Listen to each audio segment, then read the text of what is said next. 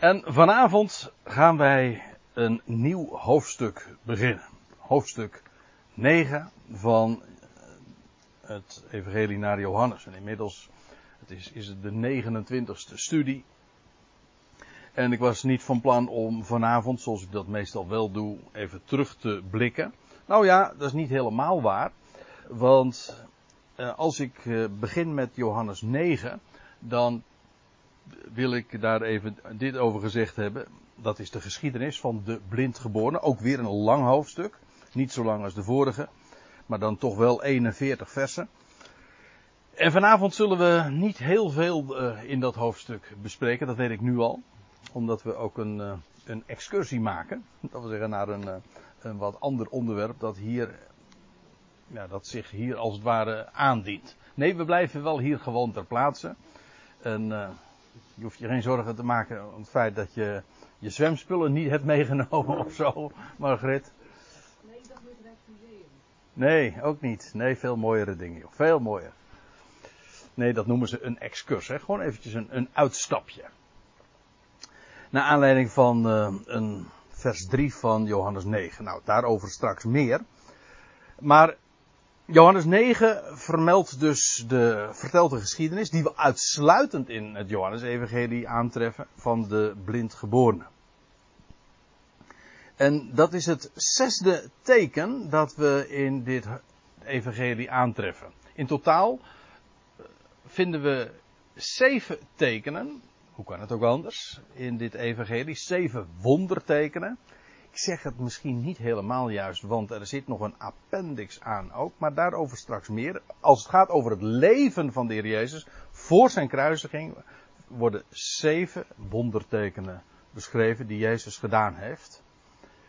En de eerste is, dat wordt heel uitdrukkelijk ook zo gezegd, ook dat is een unieke geschiedenis die we alleen maar in het Johannes-evangelie aantreffen. En het, uh, het wordt ook uh, vermeld als zijnde het begin van Jezus tekenen. Die hij gedaan heeft. De bruiloft te Cana. Op de derde dag. En al die tekenen die we hier aantreffen. Dat geldt in het algemeen hoor voor de tekenen die Jezus gedaan heeft. Per slotverrekening, het heet niet voor niks tekenen. Wat toch gewoon betekent, betekent dat het een betekenis heeft. En, maar in hoge mate, in in het kwadraat geldt dat, denk ik, als ik het zo mag zeggen, voor de wondertekenen die we vinden in het Johannesevangelie. Die zijn heel diepgaand. En alles hebben ze ook van doen met de, de onderbreking. Ik heb daar vorige keer daar al eventjes op gewezen, op de onderbreking in de heilstijd. Dat wil zeggen, Israël dat tijdelijk terzijde is gesteld en waarmee God op zijn tijd weer de draad gaat oppakken. En de tijd die daartussen ligt. De bruiloft te Cana was de derde dag, dus daar gaan twee dagen aan vooraf. Nou, ook dat fenomeen van twee dagen, dat de Heer dan bijvoorbeeld in Samaria is en de derde dag komt hij weer in Cana. Dat is bij weer een andere gelegenheid trouwens. Nou ja, dat soort structuren vind je uh, heel veel in het Johannes-evangelie. Afijn, het onder, eerste wonderteken is dat hij gedaan heeft in Cana. Het tweede teken, dat is in hoofdstuk 4. De genezing van de zoon van de hoveling of van de koninklijke beambte. In Capernaum heeft dat wonderteken plaatsgevonden. En het derde teken, ook dat vind je alleen maar in het Johannes-evangelie. De genezing van die man die 38 jaar lang ziek was, verlamd was. En zich daarbij het badwater van Bethesda bevond in, in Jeruzalem. Ook dat, was trouwens een, een wonderteken dat plaatsvond. Maar dat fenomeen vind je ook heel vaak op een sabbat. Dan in hoofdstuk 6 de spijziging van de 5000. Dat is trouwens een toevalligerwijs een wonderteken, een geschiedenis die je in alle vier de evangelie aantreft. Dat is ook hoogst uitzonderlijk. Maar dit is daar een voorbeeld van. U begrijpt, ik ga daar verder nu niet meer op in. Ik wil alleen nog eventjes zo in herinnering roepen welke wondertekenen we zo op een rijtje allemaal kunnen noteren. De spijziging van de 5000 daar aan het meer van Galilea, weet u wel, daar op de hoogte. Met die vijf gerstebroden en twee visjes. Dan in datzelfde hoofdstuk nog de storm op het meer. Dat een wonderteken was dat Paul daarop plaatsvond. Dat wil zeggen in de nacht die daarop volgde. Dat de Heer Jezus tot hen kwam. Uh, midden in de nacht en tijdens de storm. En dan het zesde wonderteken. En daar gaan we het dus vanavond en de komende avond, avonden, vermoed ik, over hebben. De genezing van de blindgeborene. Overigens ook op een Sabbat. Dat vinden we pas later in het hoofdstuk vermeld, dat het die dag was. Maar dat blijkt dan toch wel weer een grote rol te spelen. En ook heel op, op de bekende en beroemde, beruchte Joodse weerstand. En dan tenslotte het zevende wonderteken dat de Heer voor zijn sterf heeft uh, verricht. Dat is de opwekking van Lazarus in hoofdstuk 11. En meestal is het, uh, het, het, het verhaal ook dat die wondertekenen die vermeld worden, vervolgens ook de aanleiding zijn tot een, of tot een dispuut, of tot een toespraak die de Heer Jezus dan geeft, en waarin hij eh, tekst en uitleg geeft over de betekenis van dat alles. De opwekking van Lazarus is overigens ook zo, weer zo'n teken dat alleen maar in het Johannesevangelie vermeld wordt. En dan de achtste, want die mag je wel meerekenen. Maar dat is dan van een andere orde, want die bevindt zich, dat is het wonderteken aan de andere kant, zeg maar, van uh, het graf. Dat wil zeggen, nadat de Heer Jezus is opgestaan uit de doden, dat is het, uh, het teken van de wonderbare visvangst. U weet wel, die 153 vissen, grote vissen, die gevangen waren.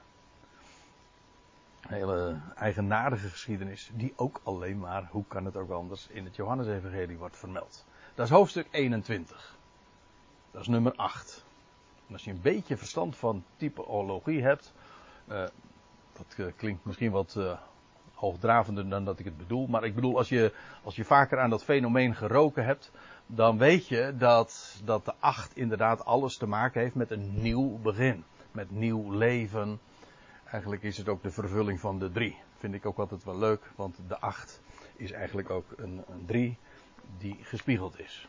Maar het is maar uh, welke waarde je daaraan toekent, maar ik vind het wel opmerkelijk.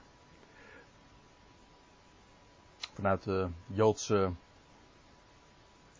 uh, gebruiken is de 8 natuurlijk staat sowieso, is met name dan ook het getal dat uh, karakteristiek is voor de besnijdenis, ook weer nieuw leven. Afijn. Uh, dit zijn de zeven wondertekenen of, en de achtste als appendix, als weer een nieuw begin. Ik was haast geneigd om het in muzikale termen te zeggen van de, de octaaf. Hè. Dan krijg je weer een nieuw begin.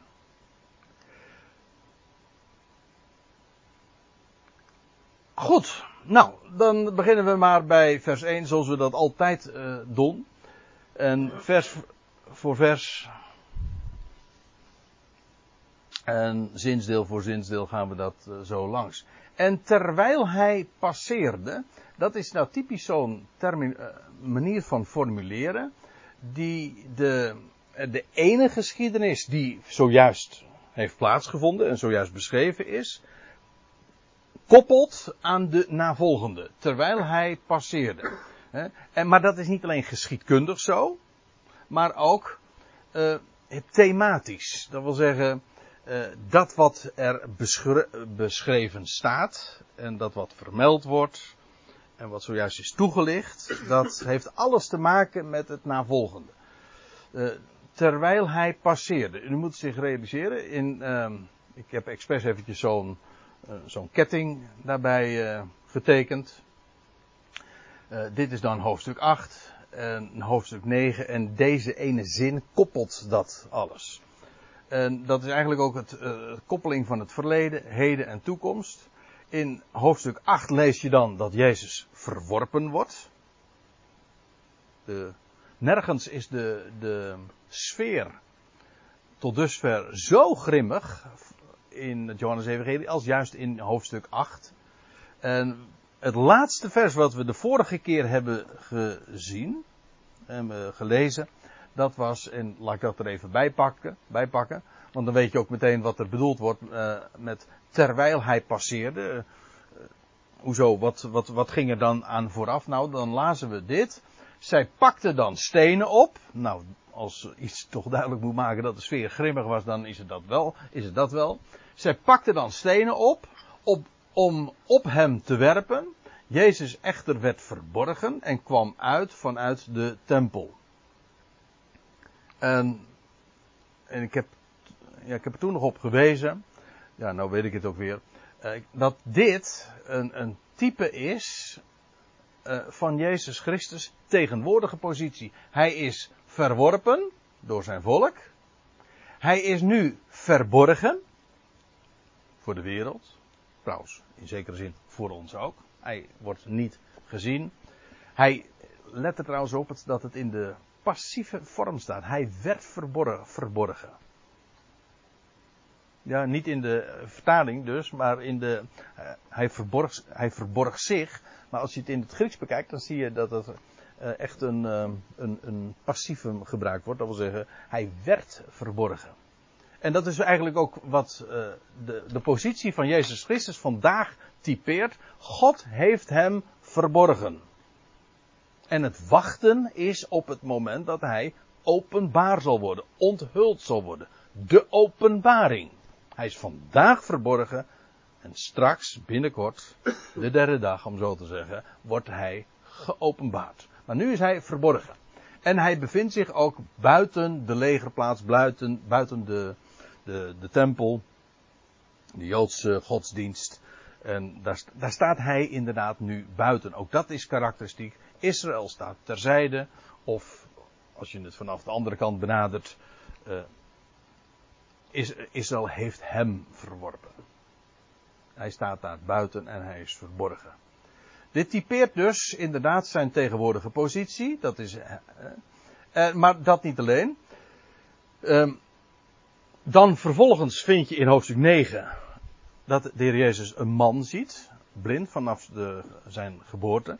Maar dat is een. Nou, ik loop nu eventjes op de, de zaken vooruit, want dat gaan we nog zien. Maar die blinde man is een type van Israël. Staat er trouwens ook uh, in het Johannes-evangelie gewoon bij hoor. Dat God hen ogen heeft gegeven om niet te zien. Hij heeft hun ogen en oren toegesloten. Ook hun oren, ja. Dus eh, waar die blinde man een uitbeelding van is, en dat blijkt, maar goed, daar hebben we nog uitgebreid over. Waarschijnlijk niet vanavond, maar volgende keren. Die blinde man, wat het, het wonder wat hiermee plaats, wat met hem plaatsvond, typeert dat wat God met dit volk gaat doen. Afijn, Israël is verblind, de Heer Jezus staat buiten en, de en hij is ook verborgen. Dat is, hij werd verworpen in het verleden. Dit is zijn tegenwoordige positie. Israël verblind. Hij, de Heer is buiten en hij is verborgen. En wat uh, er gaat gebeuren in de toekomst is dat deze blinde man genezen wordt. Op een goddelijke wijze. Ook op een goddelijk tijdstip. Op de Sabbat namelijk. Op Gods tijd. Verleden, heden, toekomst.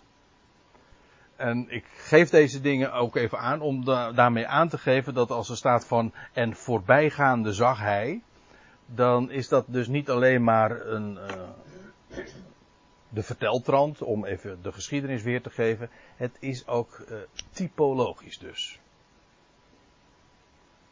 Thematisch, de, de onderwerpen die onder de oppervlakte liggen en naar voren gebracht worden, die, uh, die worden op deze wijze aan elkaar gekoppeld.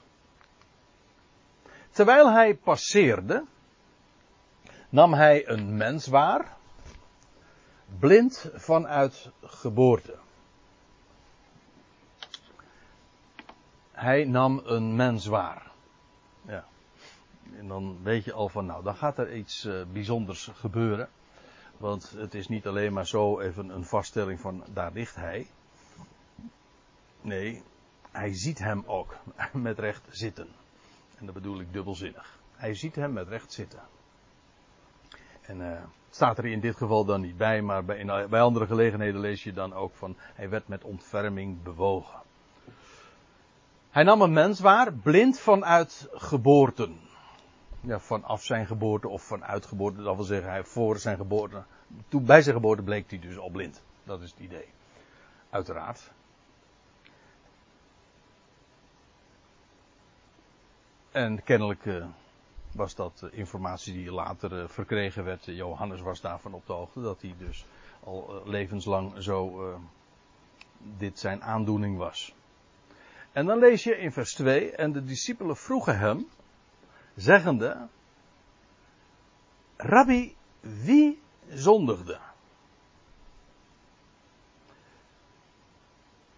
De vooronderstelling in deze vraag is dat deze man die daar waargenomen wordt, die blind vanaf zijn geboorte is, dus uh, in die toestand zich bevindt, omdat er uh, sprake is van zonde. Dat is wat het veronderstelt. Ziekte wordt veroorzaakt door zonde. Some way, somehow. En dan, zij zeggen dat ook. Wie zondigde? Uh, maar het, dat is altijd trouwens zo bij uh, veronderstellingen. Uh, dat kan heel suggestief worden. En meestal is het, is het dat ook.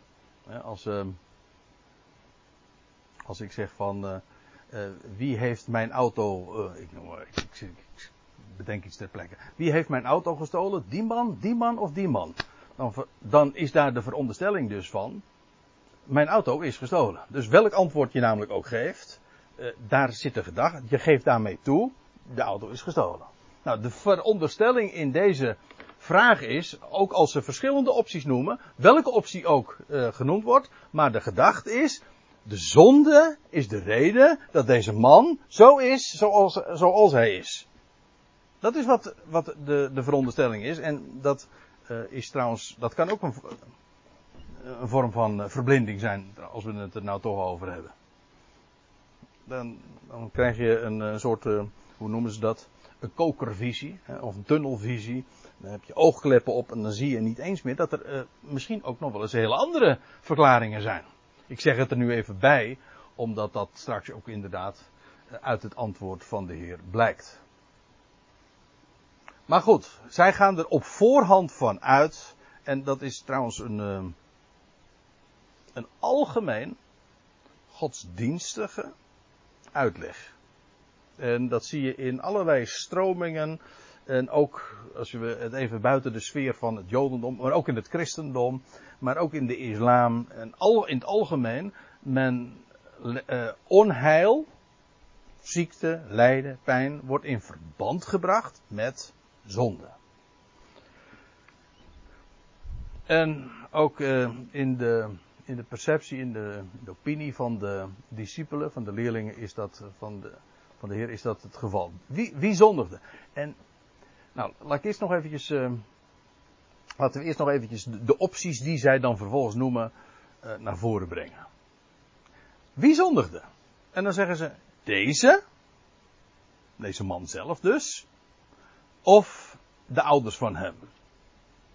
Ja, dat eerste, deze man zelf is, dat is toch een beetje een vreemd verhaal. Hè? Hoezo? Hoe kan deze man zelf de reden zijn van, uh, hoe kan hij zelf gezondigd hebben, uh, waardoor hij vanaf zijn geboorte of vanuit zijn geboorte al uh, blind is? Ja, daar worden dan twee verklaringen voor gegeven. En dan is het een, een prenatale zonde. Dus ja, eh, wij hebben de neiging om daar gewoon schouderophalend over te zeggen. Hoe is dat nou toch mogelijk zeg? Dat je in de moederschoot al zou hebben gezondigd. Hebben ze dat gedacht? Een prenatale straf al. Ja. Ja, je bedoelt omdat hij al vanuit zijn geboorte.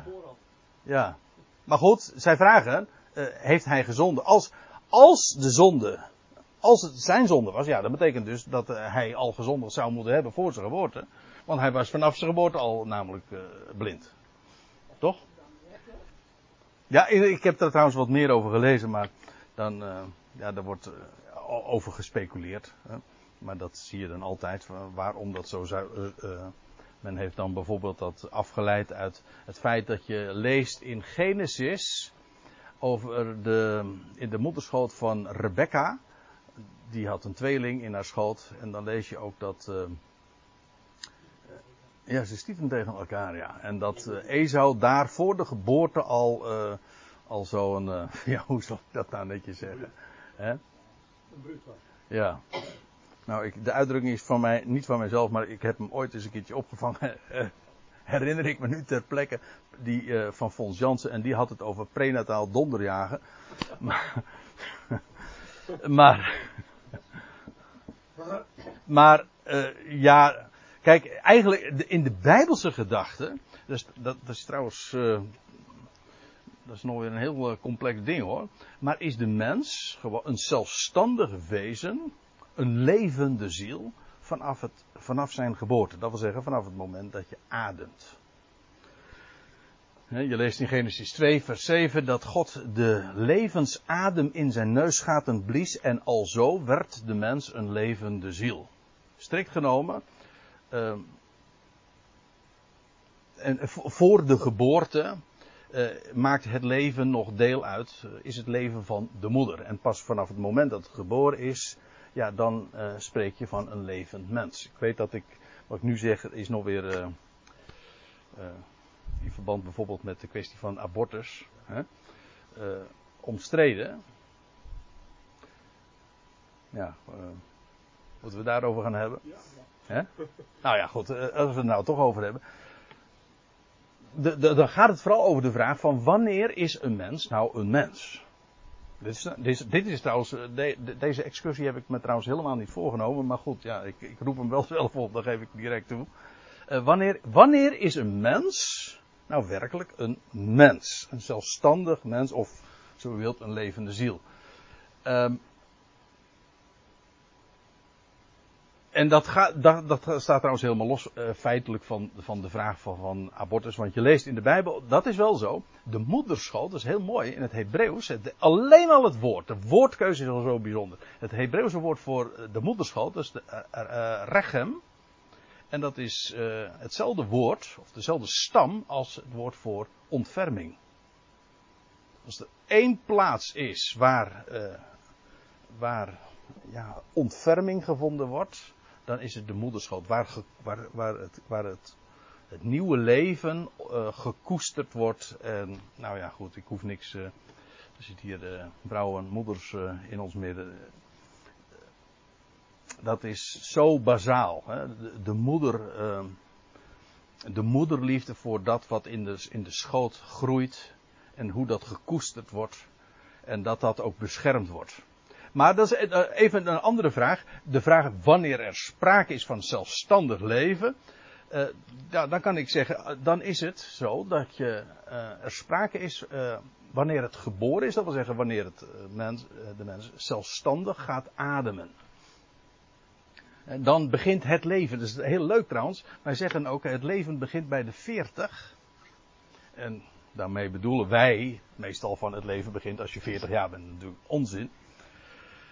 Maar het komt van origine van het leven begint bij de 40 weken. De duur van de zwangerschap. En op het moment dat je geboren wordt, na de 40 weken, dus, dus de standaard, dan uh, ga je ademen en dat is, dan ga je uh, leven. Dan, trouwens, vanaf dan rekenen we ook de leeftijd. Je rekent niet vanaf de conceptie, je rekent vanaf de geboorte. Logischerwijs. Daar is dit, uh, als ik zeg dus dat het leven, het zelfstandige leven begint van een mens bij de, uh, bij de geboorte, dan, heeft dat, dan uh, bedoel ik daar helemaal niet mee te zeggen dat, het, dat, dat, dat ik licht, lichtvaardig over abortus denk. Een andere vraag is trouwens wel, hoe omstreden dat misschien ook mag zijn, of het inderdaad de status van, of dat een, een daad van moord is. Het is een aanslag eh, op van de moederschoot. Maar of dat hetzelfde is als moord. Je leest uh, in, in Exodus 20. Uh, dan lees je over een strijd. Als een, over een geval. Dat, zo wordt dat dan in de rechtspraak van Israël geregeld. Als twee mannen ruzie hebben. En een zwangere vrouw die is daarbij. Goh, we zouden het even maar na moeten kijken. Ik zei al, ik, het is even een uitstapje. Maar goed. Um, Exodus 20. Ik hoop dat ik het even snel zo kan vinden.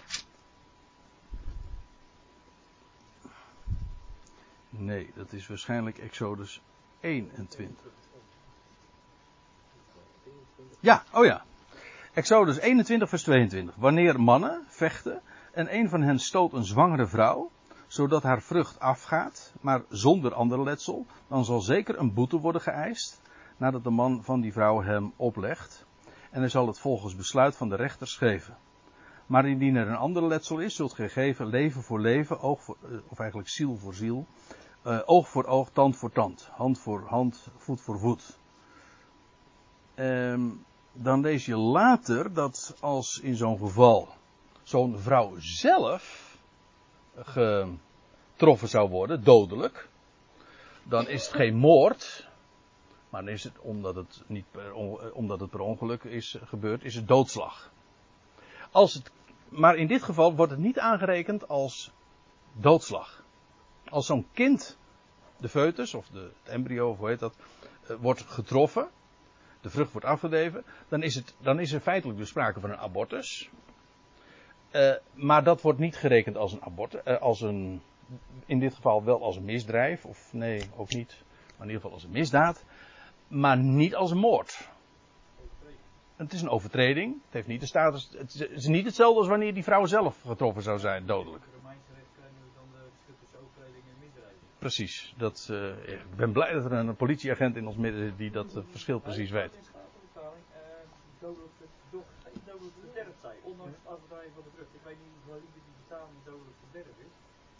Oei. dus het, het vrucht die afgestoten wordt door ja, een ongeluk, Ja. incident, Ja. eh, wordt dus niet als, als dodelijk Nee. terwijl kind sterft. Ja. Ja, nou, daarin zie je dus dat, uh, dat de vrucht nog niet dezelfde status heeft als dat het een geboren baby is. Dat verschil wordt gemaakt. Hoezeer het, dat die ongeboren vrucht ook be, beschermd wordt. En, en dus in de sfeer van ontferming zich beweegt. Uh, het is niet zo van dat het al een zelfstandige ziel is. Nee. Dat is pas, daarvan is pas sprake wanneer het uh, gaat ademen. Alles wat adem heeft, hè, dat is. Hè? Ja, ja. Dus eigenlijk uh, vind je het antwoord al, dus bij de eerste keer dat de mens gecreëerd wordt. Wat, is, wat maakt een mens een levende ziel? Wel de, de, de levensadem in je neusgaten. Wanneer je, en zolang het uh, natuurlijk in de moederschoot is, wel, uiteraard is dat uh, een godswonder en een, een leven. Maar het is nog het leven feitelijk van de moeder.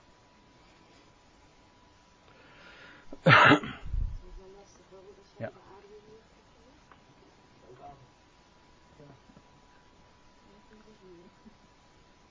Als je aan de beademing uh, ligt. Nee, nee, maar. Uh, Kunstmatig. begrijp ik wel, maar ik denk dat je, dat je wel. Uh, zeg, dat je ja, dat is. Je kunt er wel, als je dat wel gaat denken, dat je volgens mij niet helemaal alles. Denk je? Uh, nou, nou, kijk, maar vroeger was het ook zo. Ik heb het eh, verhaal wel gelezen van iemand die eh, nogal eh, veel met genealogisch onderzoek deed. Was het ook zo dat het, als je een kind geboren, zoals het maar, al had het maar vijf seconden gele- geademd, dan moest, dan moest het ook een naam krijgen. En, maar als het gewoon doodgeboren was, dan niet.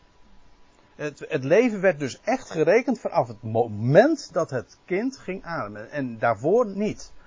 En, ja, uh, allerlei andere vragen uh, daaromtrent over de beschermwaardigheid van, van, van de onge, het ongeboren leven. Dat, is, dat, dat gaat hier echt buiten deze sfeer om. Het ging mij eigenlijk vooral even om het punt van wanneer is de mens een levende ziel? En dan zeg ik ja, inderdaad wanneer je gaat ademen.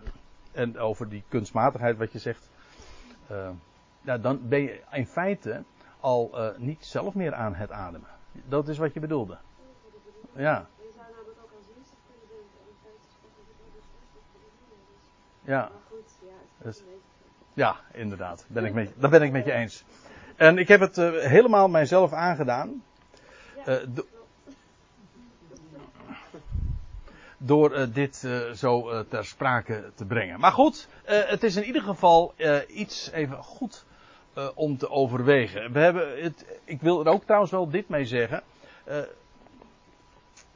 Wees, eh, wees voorzichtig met, met eh, ook daarin eh, goedkope antwoorden geven. Want het is heel makkelijk om te zeggen van ja, wanneer is sprake van een leven, wa- wanneer zaadcel en eicel aan, bij elkaar gekomen zijn, wanneer de bevruchting heeft plaatsgevonden, dan is er een, een zelfstand, dan is er sprake van een levende ziel. Dat is heel gemakkelijk om te zeggen, maar om dat bijbels hard te maken, is een ander punt.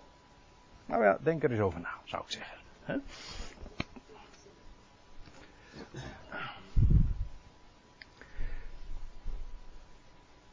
Afijn. De discipelen vroegen hem, zeggende, wie zondigde deze? Dat zou dus al e- voor de geboorte moeten hebben plaatsgevonden, wat natuurlijk dwaas is. Trouwens, er is nog een verklaring, en daar ben ik eh, recentelijk nog mee eh, in aanraking gekomen. En dit vers werd ook als eh, motief daarvoor aangevoerd. Dat is dat de discipelen zelf ook al uitgingen van reïncarnatie. En dan zeggen ze van, ja, hoe kan deze gezondigd hebben? Nou, in een vorig leven. Hij was gewoon gereïncarneerd. Eh, ook daar zit trouwens een logica in. Als je er eenmaal van uitgaat dat er reïncarnatie is, dan is, dan natuurlijk, dan kun je, eh, dan is dit een verklaring. Maar het hele verhaal is, je vindt dat nergens in de schrift. Het hele idee van reïncarnatie. Dat je, eh, dat je, dat je dus sterft en daarna weer eh, opnieuw geboren wordt. Hè? Weer vlees wordt. Eigenlijk reïncarnatie betekent weer vleeswording. Incarnatie, karn, heeft te maken met vlees. Ja, ja. Hè? Nee, nee, nee, nee, maar daar, daarvan, ja, daarvan zeggen we bijvoorbeeld ook Johannes de Doper was een reïncarnatie, feitelijk, van Elia, maar dat is niet waar. De Heer Jezus zegt, zegt het ook, hè. Hij is, eh, al- nee, sterker nog, Johannes de Doper zegt het zelf. Zijt gij Elia? En hij zegt, nee, ik ben het niet. Maar er staat er later ook, ik ben gekomen in de geest en de kracht van Elia. Vandaar ook zijn kamelenharen wan- eh, mantel en zijn hele optreden dat aan Elia herinnert. Maar in dat dan is het inderdaad in het Jodendom. N- Nee. Eh, nou, maar je vindt er in, in, misschien in het Jodendom, dat, dat is waar, in het, ook in het orthodoxe Jodendom eh, leeft het idee van reïncarnatie. Maar in de Bijbel vind je dat niet. Een mens sterft en staat weer op. Je leest in, eh, in Openbaring 20, vers 4. eh, dan, dan gaat het over de voor de duizend jaren. En dan staat er, dan is, is er een, een, sprake van een eerste opstanding. En dan staat er, en de overige doden, die werden niet wederlevend eh, dan na de duizend jaren. Dat wil zeggen, dan bij de grote witte troon. Dat wil zeggen, eh, het is niet zo van dat ze weer voortleefden in, in een andere persoon op aarde en weer reïncarneerden, een andere ziel hier op aarde werden. Niets ervan. De doden, die worden levend, niet door reïncarnatie, maar door opstanding. En tot die tijd zijn zij gewoon dood. Of moet ik zeggen, dood gewoon.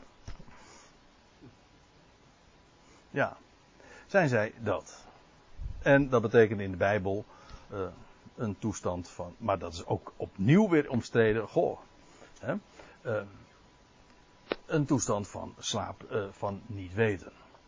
Later vind je dat ook in Johannes 11 als de Heer Jezus bij Lazarus komt en dan zegt van nee, hij is niet dood. Hij slaapt. En ik ga hem opwekken. Ik zal hem doen opstaan. Ik zal hem wekken. Afijn, eh, nou, de discipelen die zeggen dat zo eventjes voor de vuist weg en wij zijn daar nu vrij diep op ingegaan van wat, wat, hebben, zij, wat hebben zij bedoeld toen zij zeiden van eh, wie heeft er nou gezondigd? Deze man zelf? Daar hebben we nu even op ingezoomd. Wat bedoelden ze daarmee? Zou die man in de moederschoot gezondigd hebben? In een vorig leven? Nou, eh, dat kan helemaal niet. Beide is gewoon niet bijbels. Ehm, dan nog de andere optie die ze dan noemen. Of de ouders van hem. Dat hij blind geboren zou zijn. Zou worden. als je denkt in termen van straf, dat is uh, bijbels gezien onmogelijk. Uh, het, is, het bijbelse principe is dat een ander nooit gestraft kan worden voor, de, voor datgene wat, voor wat de een gedaan heeft. je leest in Ezekiel 18 vers 20.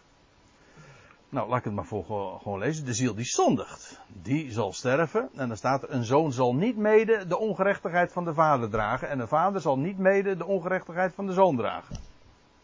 De gerechtigheid van de rechtvaardige zal alleen rusten op hemzelf. En de goddeloosheid van de goddeloze zal alleen rusten op hemzelf. Met andere woorden, eh, de zoon wordt niet aange, wordt niet datgene aangerekend wordt wat de vader gedaan wordt. Dat is onbillijk, dat is niet rechtvaardig. Dat is niet zoals de schrift daarover spreekt. Dus het is uitgesloten dat deze man gestraft zou worden voor iets wat zijn ouders zou hebben gedaan. Wat wel, wat wel zou kunnen, namelijk dat hij de gevolgen van de zonde. Hè? Ik, dit is allemaal nog voorafgaand aan het, het echte antwoord, magistrale antwoord dat de Heer zelf geeft. Maar um, de, ja, de, de, de vraag, dat wat zij zelf voordragen, eh, um, of de ouders eh, van hem uh, gezonder zouden kunnen hebben, ja, dat is mogelijk. Dat wil zeggen dat hij de gevolgen zou dragen van de zonde die zij hebben gedaan. In feite zitten we allemaal in dat schuitje. Alle mensen zijn geboren stervelingen. Alle mensen zijn geboren zondaren. Ja, vanwege onze ouders. Nou ja, voorouders. Verre voorouders. Uh, Adam en Eva. Ik spreek dan niet van erfzonde, maar dat doet nou even niet de zaken. Maar in ieder geval, het komt erop neer. Uh, het, is, het is genetisch bepaald. Je bent gewoon van geboorte zo. Dat is geen keuze. Dat is gewoon naas, een nasleep, zeg maar.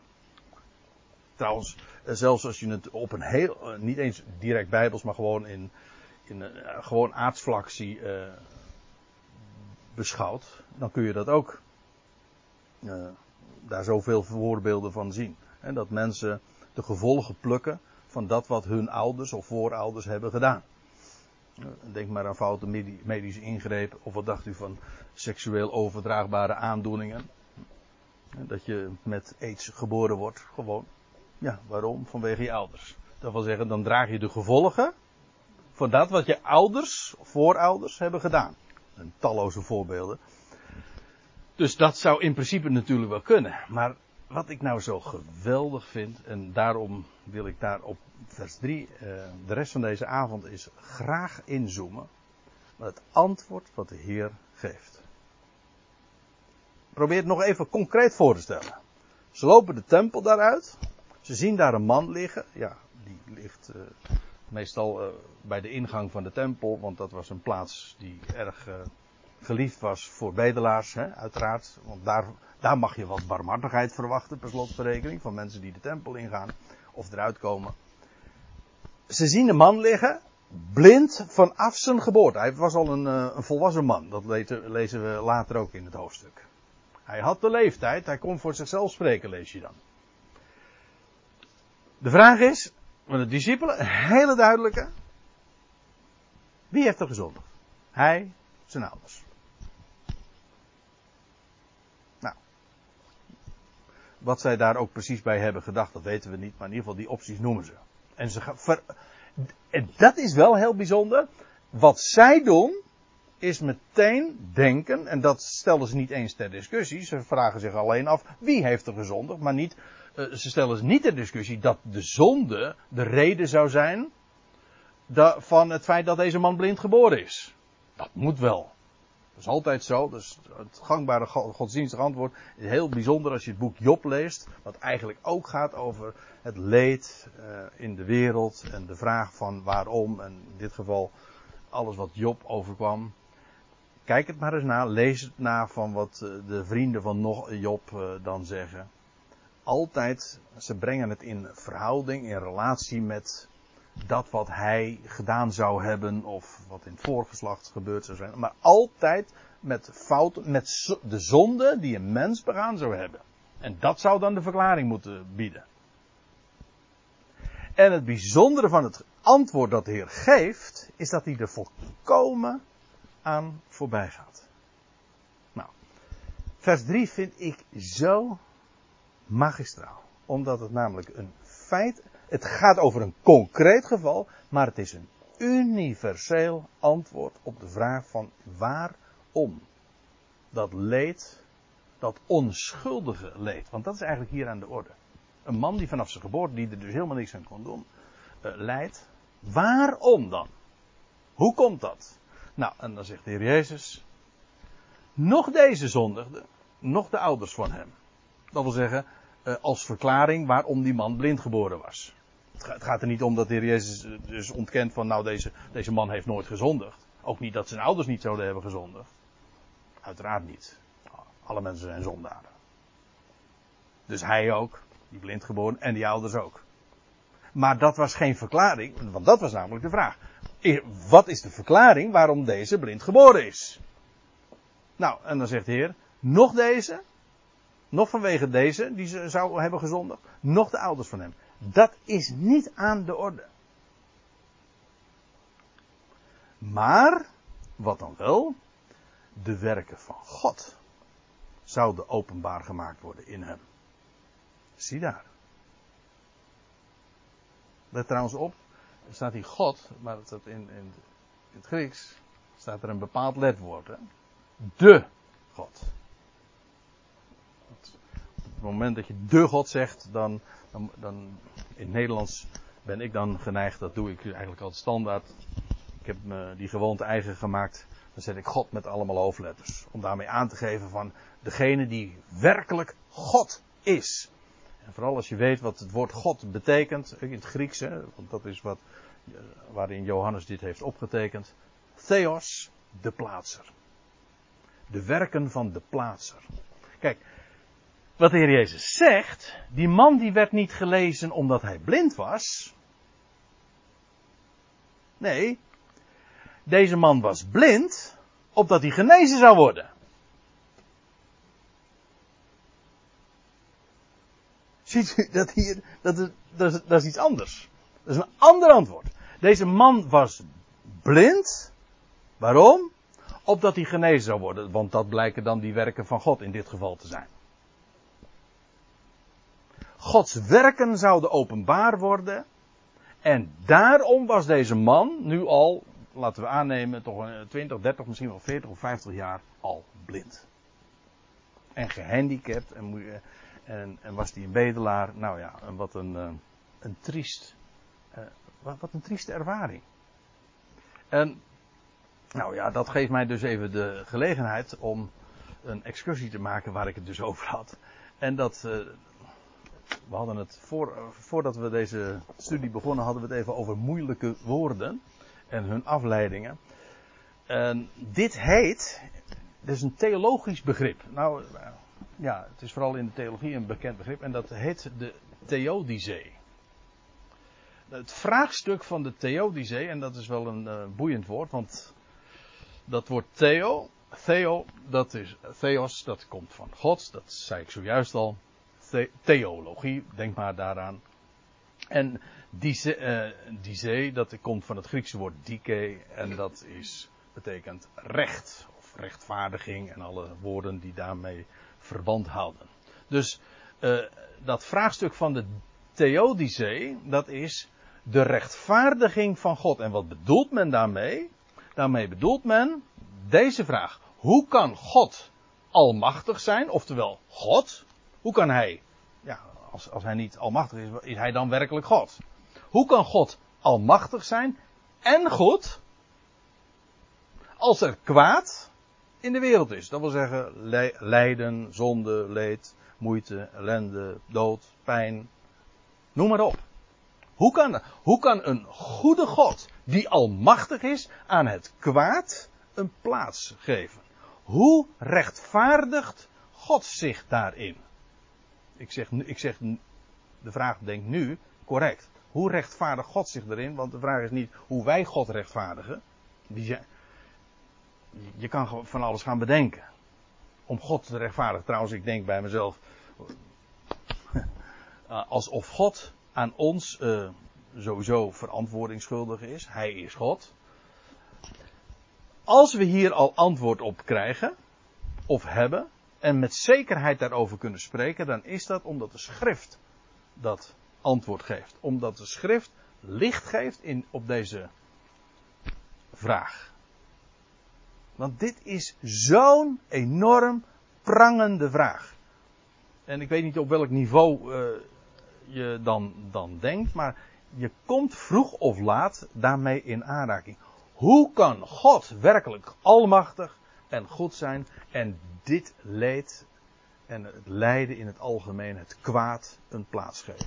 En feitelijk is het zo dat de mens vervreemd is van God. De mens is vijandig ten opzichte van God. Eigenlijk, vraag het maar na aan je, aan je buurman en je collega's. Je krijgt het altijd te horen als je over God begint. Als hij er is, waarom dan? Nou ja, toch? En meestal heeft het te maken met een concrete ervaring. En als je het wat grootser bekijkt, dan, dan, dan zet je het misschien wat in een abstracter perspectief. Maar de vraag dringt zich op. Hoe kan God dat doen? En dan kun je natuurlijk de vraag wegwuiven en zeggen van nou ja, uh, wie zijn wij om, om, om God ter verantwoording te roepen? Dat is trouwens heel goed de, om dat te zeggen. Maar dat is geen antwoord op de vraag. En wat, is, wat zou er mooier zijn als God zelf licht geeft over deze dingen? Niet waar? En daarom vind ik vers 3 van Johannes 9 zo geweldig mooi. Ik stel voor dat we eerst even pauzeren en dan gaan we daar straks dieper op in.